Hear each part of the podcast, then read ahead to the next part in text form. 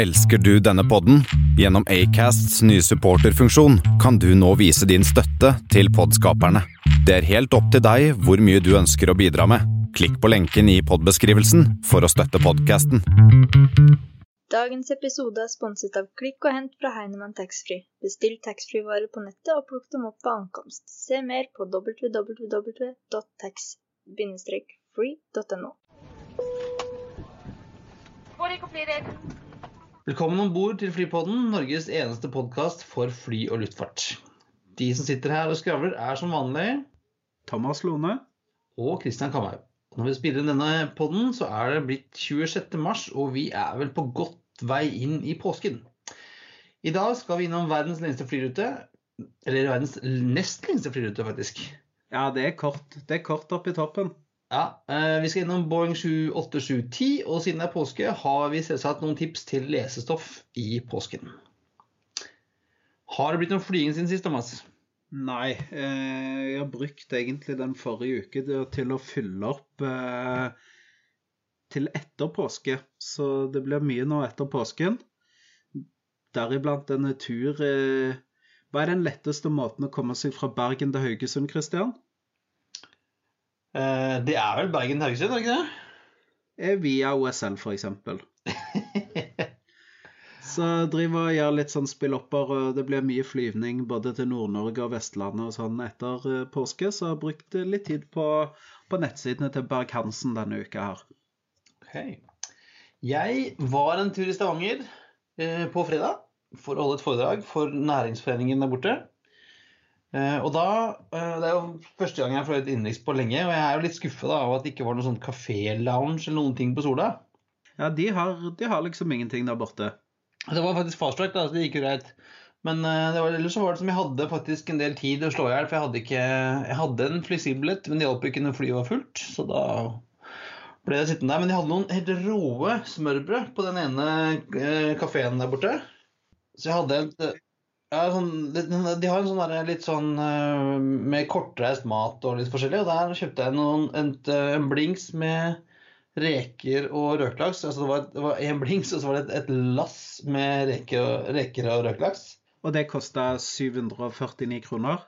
Ja, et eller annet, men jeg skal fakturere de, som jeg gjorde en jobb for, så det var greit for meg. Men eh, det, den var god, da. Den holdt jo hele veien hjem til eh, fredagstacoen, så det var greit, det, altså. Den var god, var den. Ja, riktig. Og alt gikk på tid, og Ja, alt var greit. Eh, ja, eh, det gjorde det faktisk. Eh, både, både fram og tilbake så gikk det, gikk det sånn Ja, om ikke akkurat på minuttet, så var det sånn OK.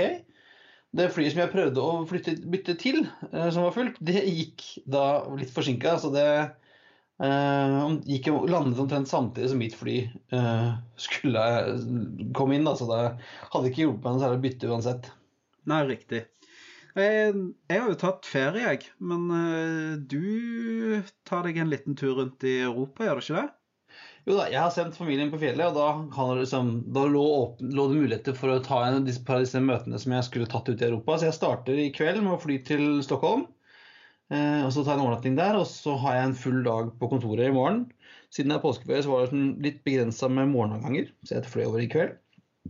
Og så flyr jeg da eh, morgen ettermiddag eh, via Frankfurt til, ned til um, Linate i Milano, og så har jeg en full dag i Milano.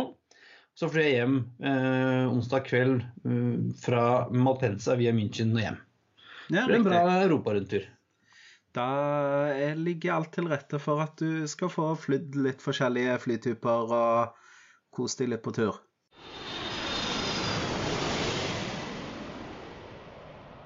Så er vi jo eh, utrolig stolte av å ha Klikk og Hent eh, fra Heinemann Taxfree som sponsor.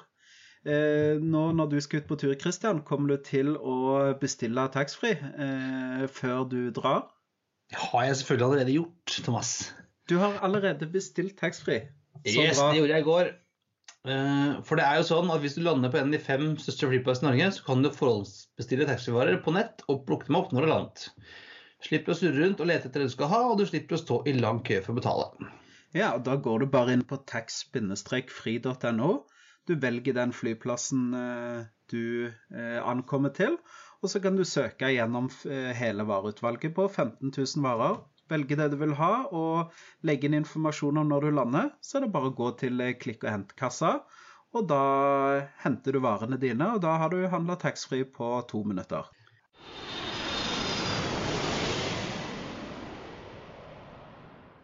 Ja, og selv om det er påske, og det ikke er så lenge siden vi hadde forrige sending, Thomas, så har det jo skjedd litt ute i flyverden.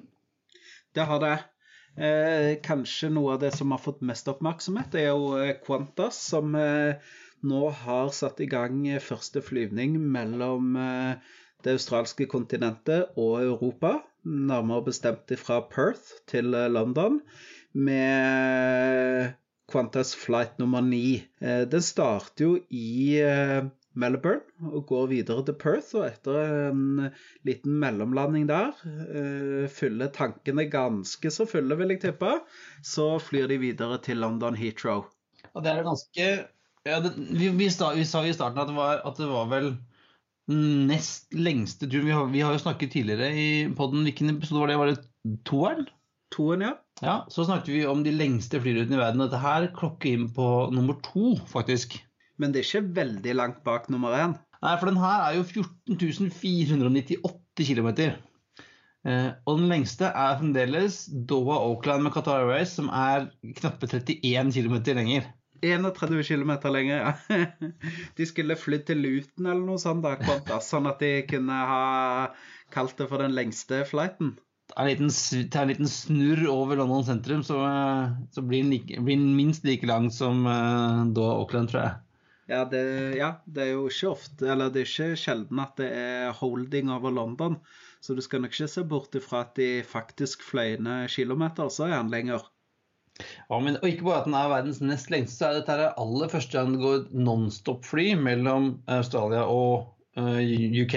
Ja, og jeg så det at um, Eh, selv Altså hvis man starter i Melbourne eh, og flyr da helt til London via Perth, så sparer man faktisk en eh, Var det nesten tre timer i forhold til å fly via Gulfstatene f.eks., eller via Hongkong eller via Singapore. Så det er jo man sparer noen timer på det. Um, men så er jeg litt spent på det. Jeg har jo flydd selv uh, via f.eks. Doha til Bangkok.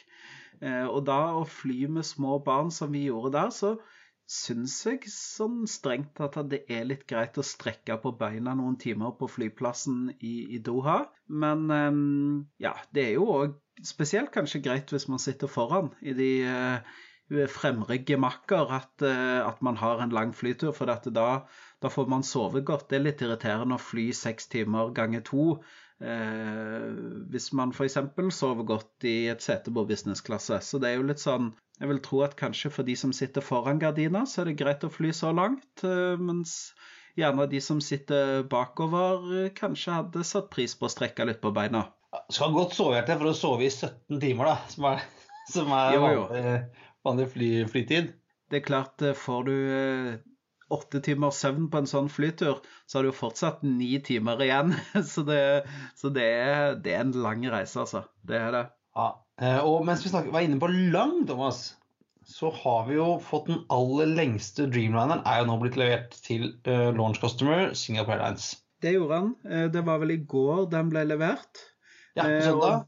Og de er da Singapore Airlines er vel da første flyselskap som da har alle tre Dreamliner-variantene i sin portefølje, er det ikke det? Åtte, ni, og de var også de, de som fikk åtteren først, tror jeg også.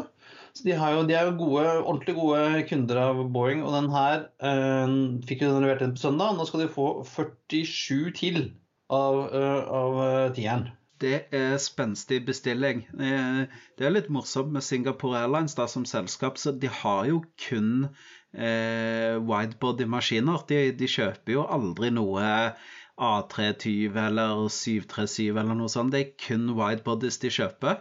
Så de, jo, de må jo være en ufattelig god kunde av både Boeing og Airbus.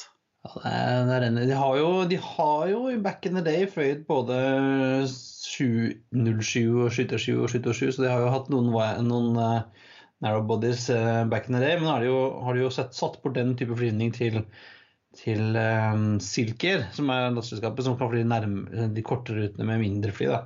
Men der er det er vel en av få widebody only flyselskaper, sammen med ja, Virgin Atlantic gjør også bare widebodies.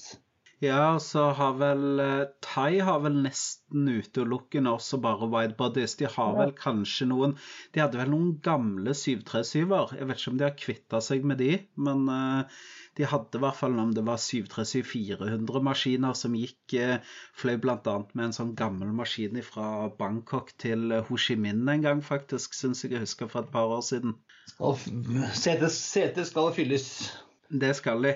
Men jeg, jeg syns jo um, Altså, denne 787-10-en har jo fått eh, god um, god mottakelse. Altså, han har jo eh, fått eh, mange bestillinger.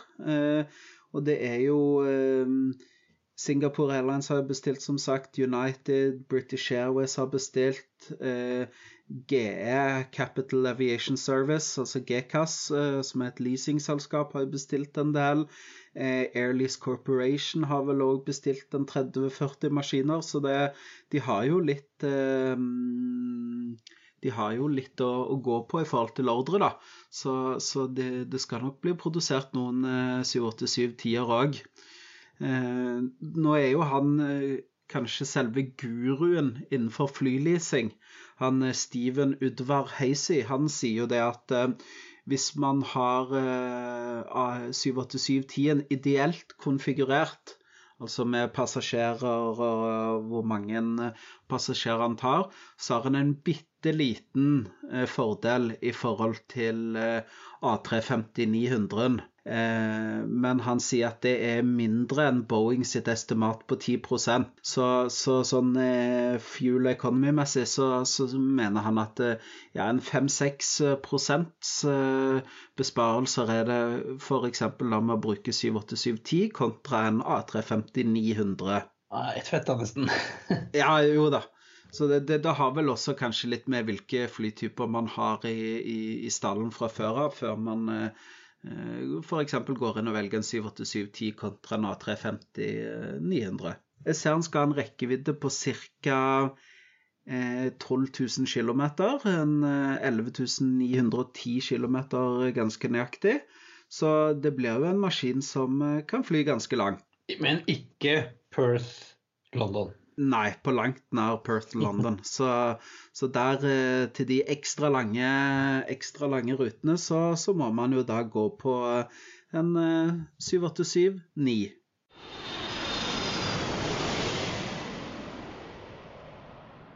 Og du har lest eh, Dagens Næringsliv eh, forrige uke, Thomas. Og så fant du en liten gøyal artikkel der. Ja, um, Ethiopian Airlines er jo et flyselskap som er litt, uh, litt annerledes, da. Um, grunnen til jeg har fått litt øyne opp for de, er jo fordi at jeg har sett mange uh, som flyr faktisk Ethiopian Airlines uh, når de skal til Østen. Altså at de flyr via Addis Ababa når de f.eks. skal til Singapore eller Bangkok eller noe sånt typisk fra både København og Oslo og, og Arlanda. Så tenkte jeg Det var jo en artikkel i Dagens Næringsliv som sier litt om at Etiopia er jo et land som er i ganske sånn kaos. Altså det er innført unntakstilstand i Etiopia som skal vare i et halvt år. Det er mye indre politisk splid i Etiopia, men flyselskapet deres som er faktisk 100% statseid, eid av den etiopiske stat, de leverer jo som aldri før. De, deres vekst de siste, de siste årene er jo Altså bare veksten til Ethiopian Airlines er jo større enn samtlige flyselskaper i Afrika til sammen. Og det er jo ganske imponerende. Så, så jeg tenkte jeg måtte, vi måtte se litt på Ethiopian Airlines uh, i, den, i, så henseende. Og de flyr jo også på, også på Oslo? Det gjør de. Som mange kanskje vet, så kan man jo også faktisk fly Oslo-Arlanda, eller Arlanda-Oslo, på Ethiopian Airlines. For de selger jo billetter mellom Sverige og Norge. Og det, det har jo du prøvd, Christian. Det jeg prøvde. Det var før, før jul vi hadde en sånn Jeg skulle bort eh, til Stockholm hadde en overnatting da også, så jeg kunne reise over på kvelden. Eh, for det er, en, har jo avgang som går sånn i sjutiden fra, fra Oslo Ja, det er vel eh, kvart på åtte eller noe sånt, tror jeg det. Ja, noe sånt noe. Så da var det ok, nå endelig så hadde jeg en, eh, en liksom anledning til å fly i Etiopien. Jeg fikk jo ikke booka det i, i reisebyråsystemet vårt, så jeg måtte gå hjem på Etiopien og booke det selv. Men eh, prisen var såpass billig at jeg tenkte at jeg fikk vel tilgivelse. Eh, for jeg betalte vel 520 kroner én vei i Economy, eh, og det var, sånn, det var greit. Altså, det tok jo himla lang tid når man er vant til å fly med, med denne Arlanda-bussen. For det skulle jo boarde den Da var det faktisk en 777 de fløy med den dagen. Det skulle jo boardes, og det var jo sikkerhetskontroll, og det var jo faktisk passkontroll både på Gardermoen og på Arlanda, siden dette flyet kom fra Addis og skulle videre til Addis.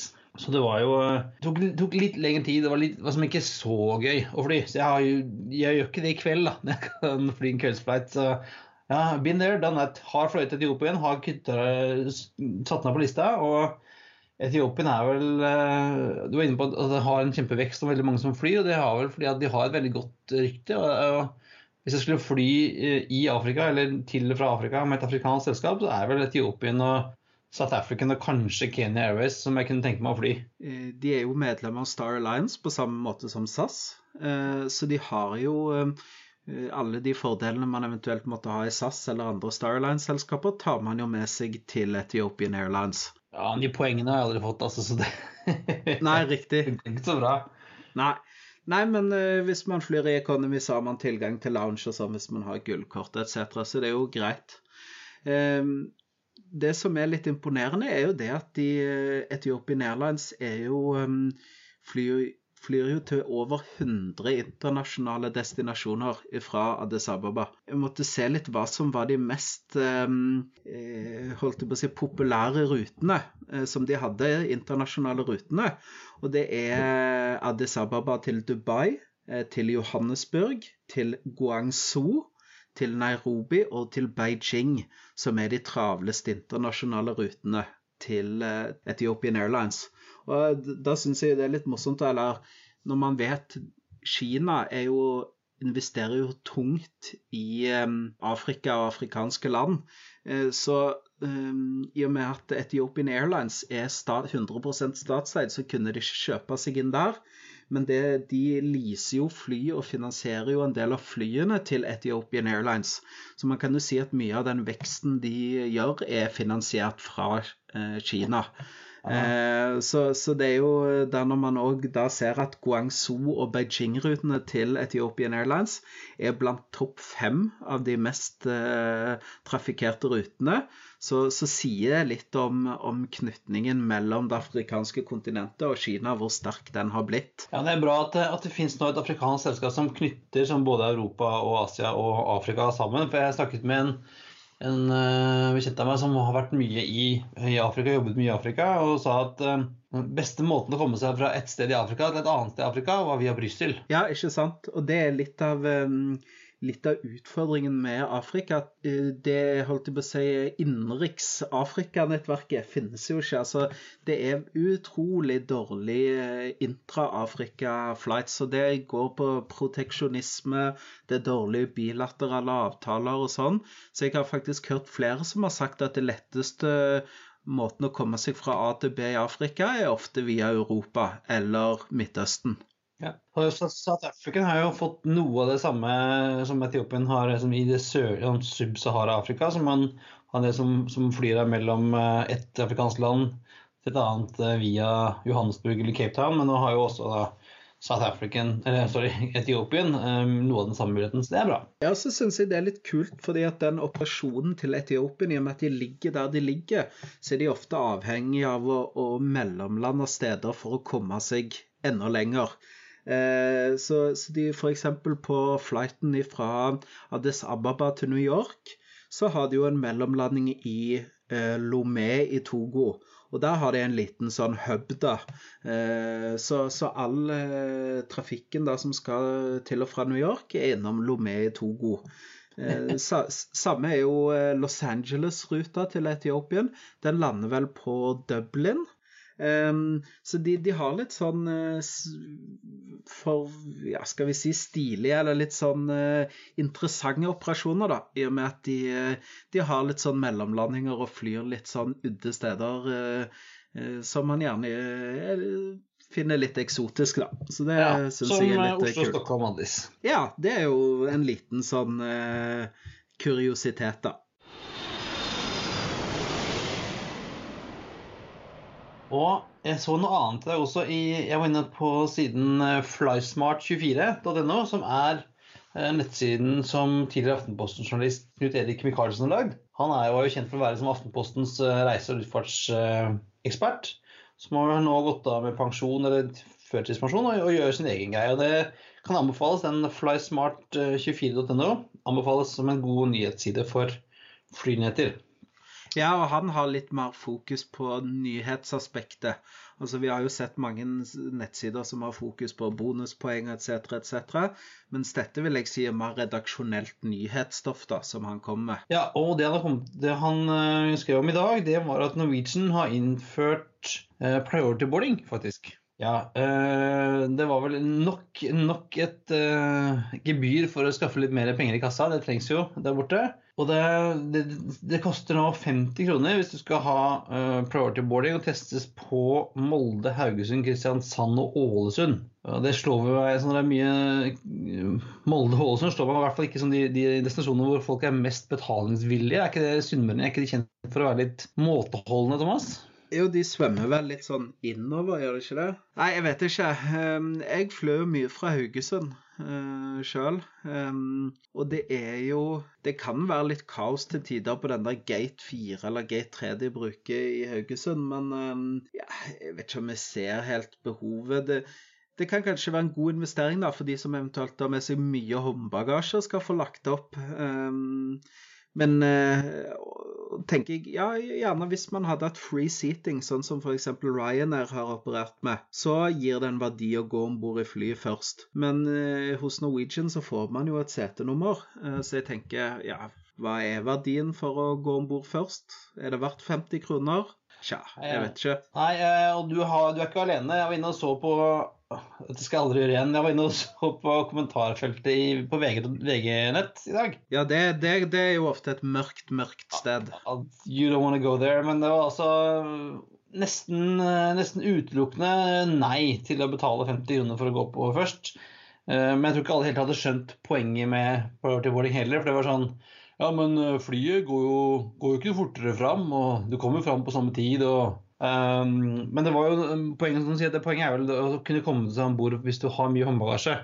Um, og, og, det merker jeg av og til at, at jeg har jo uh, priority boarding på SAS. og det er sjelden jeg bruker det, men det liksom, hvis jeg sitter, vet jeg sitter på nødutgang eller at jeg har uh, det håndbagasje ved meg, så vil jeg gjerne gå på først. For det blir fort uh, fullt i hattehyllene, altså. Eh, samtidig så når vi snakker om det med priority boarding og SAS f.eks., så er det jo litt sånn Reiser man Oslo-Bergen eller en del av disse pendleravgangene, så har jeg inntrykk av at eh, tre fjerdedeler av flyet har priority boarding. Så det er litt sånn eh, Det er litt sånn toegga sverd akkurat det der, da. Ja, altså det, altså det, problemet jeg har litt med priority boarding, det er at uh, på en del flyplasser, særlig, særlig i Stockholm, litt bedre på Gardermoen, så er det jo må du liksom kjempe deg vei til gate for å komme deg forbi alle som står og venter. ja, det, er sant. Det er liksom litt sånn, det, det er litt vanskelig for en, en, en nordmann egentlig bare slåss seg fram med 'jeg har en fordel her, jeg skal forbi dere, folkens'. Um, men så har jo det som, det som er hjulpet på Gardermoen, syns jeg, er at man da uh, oppfordrer folk til å bruke disse automatiske boarding-gatene. Ja, de brukes vel nesten utelukkende kun de nå. Ja. Og Tidligere så var det sånn hvis du kom Noen grunn til at priorityboarding ikke har fungert så er det gått før, da, at folk gjerne ikke følger med og ikke aner at de har ikke har lov til å gå på først. Så kommer de med billetten sin, og så uh, har de ikke priority boarding, men så slippes de på allikevel manuelt. Mens nå med disse automatiske så lyser det rødt, og du, får, du kommer jo ikke gjennom hvis ikke du uh, har priority boarding. Så det hjelper jo litt, da, faktisk. En eh, kompis av meg, han, vi har diskutert dette her litt, og han sier at priority boarding f.eks. på innenriks i Norge er jo ganske tull. Han, hans teori er at det vil faktisk bli mer effektivt hvis alle hadde bare gått om bord, og man hadde Ja, som man sto i kø, og at da At det å, å snu et eh, fly tar kortere tid uten priority boarding. Så kanskje han har noe for seg at ja, hvor stor er egentlig vitsen i forhold til priority boarding på Oslo-Stavanger? Jeg vet ikke, men um, ja, jeg, jeg, er litt sånn noen ganger er jeg tidlig uh, på gaten, og da bruker jeg det. Og noen ganger kommer jeg halsen i siste liten, og da bruker jeg det ikke. Så det er litt sånn Ja, det er greit at det er en fordel som man har hvis man har pluss eller gullkort eller sånn, uh, eller har kjøpt det sånn som Norwegian man kan gjøre hos Norwegian, men uh, ja om det er verdt 50 kroner, det, det stiller jeg meg tvilende ja. til. Jeg traff en fyr på en konferanse en gang. Han, han hadde på vei til konferansen hadde han betalt uh, kjøpt priority boarding på EasyJet. Men det var jo ikke, var jo ikke boarding uh, fra gate. Uh, så han var førstemann om bord på bussen og sistemann på flyet. Ja, riktig. ja, For da kom han innerst i bussen, ja. ja. Så hvis det er bussboarding, så kanskje ikke noe god idé. Med mindre da man hadde fått sin egen buss da, for alle priority-boardingene. Men det koster jo penger, så ja. da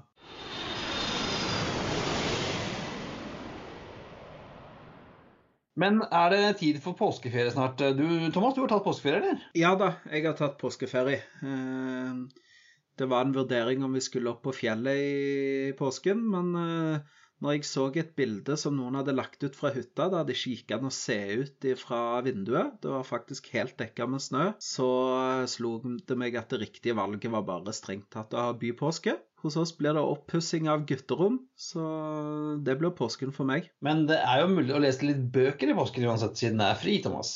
Ja da, det er klart. Så da har vi som en, som en, som en tjeneste for alle våre lyttere kommet med noen gode boktips for påsken for de som eventuelt har mulighet til å lese litt bok, Thomas.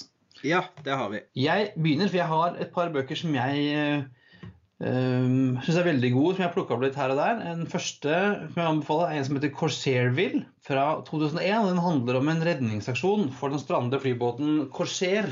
Det var en sånn Empire Flying-båt som ble skadet uh, under en stopp i Kongo. Og det handler liksom om hvordan de skulle redde denne båten opp, og hvilken liksom, bygde, bygde en hel by rundt denne, denne, flybåten som skulle av gårde. Men det handler også mye om liksom, hele den derre uh, romantikken rundt det å fly med flybåt ned i, ned i Afrika på 30-tallet, og den type, den type måten å reise på som er veldig ja, nostalgisk og godt kan, veldig koselig å lese på i påsken. Riktig.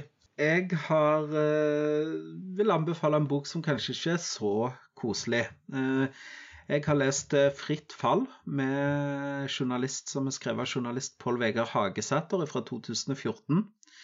Eh, det han tar for seg, er det paradokset at eh, i 1980 f.eks. så kosta en flybillett mellom Oslo og Bergen 429 kroner. I 2012, eh, som han tar utgangspunkt i da, så er nordmenn sine lønninger mer enn femdobla siden da. Men i dag så kan du gjennomføre den samme reisen for under 200 kroner. Så mener han jo da at det er noen her som må på en måte betale det mellomlegget. Hvem er taperne for at uh, vi skal kunne reise billig hvor som helst i verden? Det er vel de ansatte, mener han, er det ikke det? Det mener han. Eh, han har bl.a. besøkt eh, Qatar, da Qatar Airways, som mange sier er verdens beste flyselskap, gir sine ansatte forbud f.eks. For mot å ha besøk etter klokken 22, forbud mot alkohol selv om de har fri og ikke skal på jobb på lenge, forbud mot å gifte seg, forbud mot å må få barn. Eh, så det er jo noe av de tingene han tar opp. Eh, han følger også en purser i SAS gjennom en maraton av en arbeidsdag på kryss og tvers i Norge. Eh, der han mener da at eh, en del av de arbeidsvilkårene som f.eks. i SAS er eh, gjenstand for, er ganske kritikkverdige. I forhold til at man ikke får noen mulighet til å spise lunsj ordentlig, eller ja, andre typer ting, da. Så for oss som er litt interessert i flybransjen, så vil jeg absolutt anbefale den boken. En annen interessant bok som jeg har lest, litt, litt tilbake til litt, litt samme gaten som korserer, egentlig. En bok som heter 'Beyond Blue Horizon'. Eh, som også handler om flybåter. Og litt, vi kan peke tilbake på det vi snakket om om eh, London og Australia også. For det her er en eh, forfatter, Alexander Frater, som gjør en slags nostalgisk reise hvor han prøver å gjenskape den her Empire Route fra London til Australia. fra 1930-tallet. Um, og, og han Det er jo veldig aktuelt i dag, da, som eh, Qantas eh, flyr direkte. Og det morsomme er at jeg, jeg plukka opp denne boken her på en flyplass, uh, tilfeldigvis. Uh, og begynte å lese den, så ser jeg men, den men merket ganske tidlig at dette her var jo en gammel bok. Den er fra 1986. Uh, så hans nåtid er jo også litt sånn nostalgisk, nesten, hvor han snakker om, om å måtte reconfirm billetter og papirbilletter som måtte plukkes opp på kontorer, og, og visum og pass og alt mulig styr, og ingen, og, min, men mindre sikkerhetskontroll og sånn. da, så det, det er en slags dobbel nostalgisk reise. da. Både, han ser både tilbake på 30-tallet, hvordan det var å fly den gangen, men også sånn for oss å se tilbake på 80-tallet, hvordan det var å fly den gangen. Så det er eh, også en eh, interessant eh, bok som kan anbefales.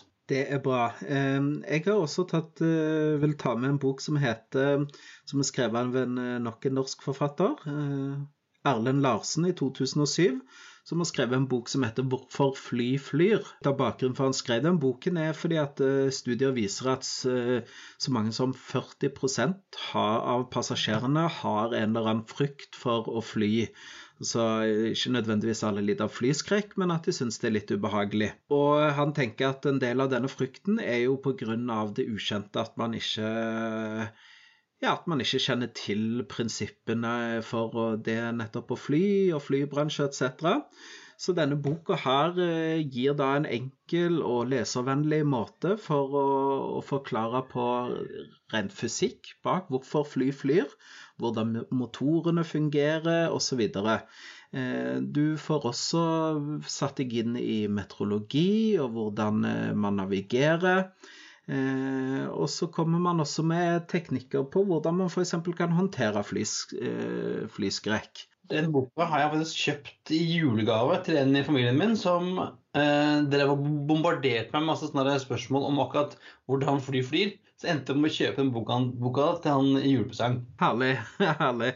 Ja, så det, det er en bok som jeg eh, vil anbefale. Den er, Om man kan mye om flybransjen, eller om man kan lite, så er det absolutt en, en interessant og, og OK lektyre som man kan ha i, i påsken. Og Den siste som jeg vil anbefale, er en som heter Glory Lost and Found. og Den handler om Delta Airlines i perioden 2001 fram til 2016. Eh, og jeg syns jo at Delta Airlines er jo nå verdens nest største flyselskap.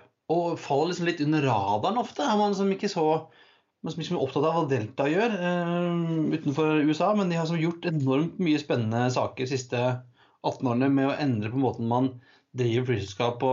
vi snakket jo om en tidligere episode om hvordan SAS og en del andre selskaper varierer mye mer på produksjonen etter måned, fra måned til måned, og ikke bare to ganger i året som man gjorde før. Og Delta var en av de som begynte med den typen å se på liksom litt broken schedules, fordi kanskje i en måned fløy tre ganger i uken, en annen måned fløy fem ganger i uken, en, en, og, en, en, en, en tredje på måned kanskje fløy double daily. Han, de starter her med, med 9-11 eh, og liksom hvordan Delta og de andre selskapene eh, reagerte på den, den, den situasjonen som var da, som kanskje var den mest ja, som helt uten tvil var det mest alvorlige for hele den bransjen i dens historie, egentlig. Eh, og hvordan Delta har eh, bygget seg opp til å bli eh, den sånn, the powerhouse som de er i dag. Altså. Eh, klart, eh, veldig, veldig spennende bok. Interessant bok om hvordan som, businessen fungerer. da. Spennende. Den eh, høres ut som eh, Jeg har ikke verken hørt eller lest eh, om den boka før, så den eh, tror jeg faktisk jeg skal prøve å få med meg. Så jeg kan få lasta ned på, på Kindlen min. Yes, Alle disse bøkene finnes jo på Amazon, og vi legger linker til dem på flypodden.no. Så det er bare å gå og bestille. Og Hvis du har en Kindle, så er det jo bare å laste rett ned, så får du den, eh, kan du lese den med en gang istedenfor å vente på at den kommer i posten med DHL. Det er vel det du bruker. Ja. Eh, jeg, sist vil jeg anbefale en generell ting. Eh, bruker du Flightradar 24, Christian? Eh, ja, det er jeg jo. Jeg er jo ikke flynerd uten å bruke Flightradar 24. Nei, og mange kjenner til Flightradar 24. Eh, Det som jeg vil anbefale da, er å eh, bidra med data til Flightradar 24. Jeg, eh, tidligere denne måneden her så eh, kjøpte jeg meg min egen lille Raspberry Pi eh, 3. Uten at jeg har så stor kompetanse eller kunnskap om Linux, så klarte jeg å sette opp min egen eh, Raspberry Pi eh, Flightradar 24-mottaker på under en time. Og nå eh, bidrar jeg med data for eh, Drammensdistriktet rundt der til Flightradar24. Eh, og i, i lønn for strevet der så får man da en eh, Så lenge man bidrar, så har man da en business-abonnement på gratis, er en verdi jeg tror det er 500 dollar i året. Eh, man får gratis da, til sin Flightradar24-konto. Så da får man jo utrolig mye data og ting som man kan eh, få tilgang til som man ikke får tilgang til når man bare er gratisbruker av Flightradar24. Så det, det, det, er min anbefaling. at uh, Bidra med, med data til Flightradar24, så får man en bedre tjeneste for alle som bruker det. Og så får man eh, gratis businessabonnement eh, av Flightradar24 tilbake. Ja, for det er vel ikke alle som vet at at all dataen fra Flight 24 kommer vel fra sånne som deg? Ja, i store stor hele så gjør det det. De sender jo ut også mer profesjonelt utstyr i områder der de trenger dekning og sånn. Eh, men eh, de aller, aller fleste radarene er jo eh, på bakgrunn av folk som har satt opp frivillig. Interessant. Så det var altså ukens anbefaling.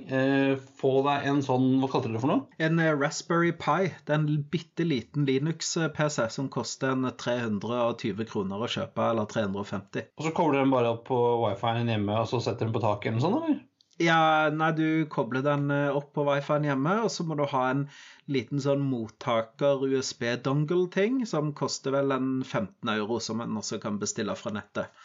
Så hele prosjektet kommer vel på under 500 kroner. Og da er man good to go.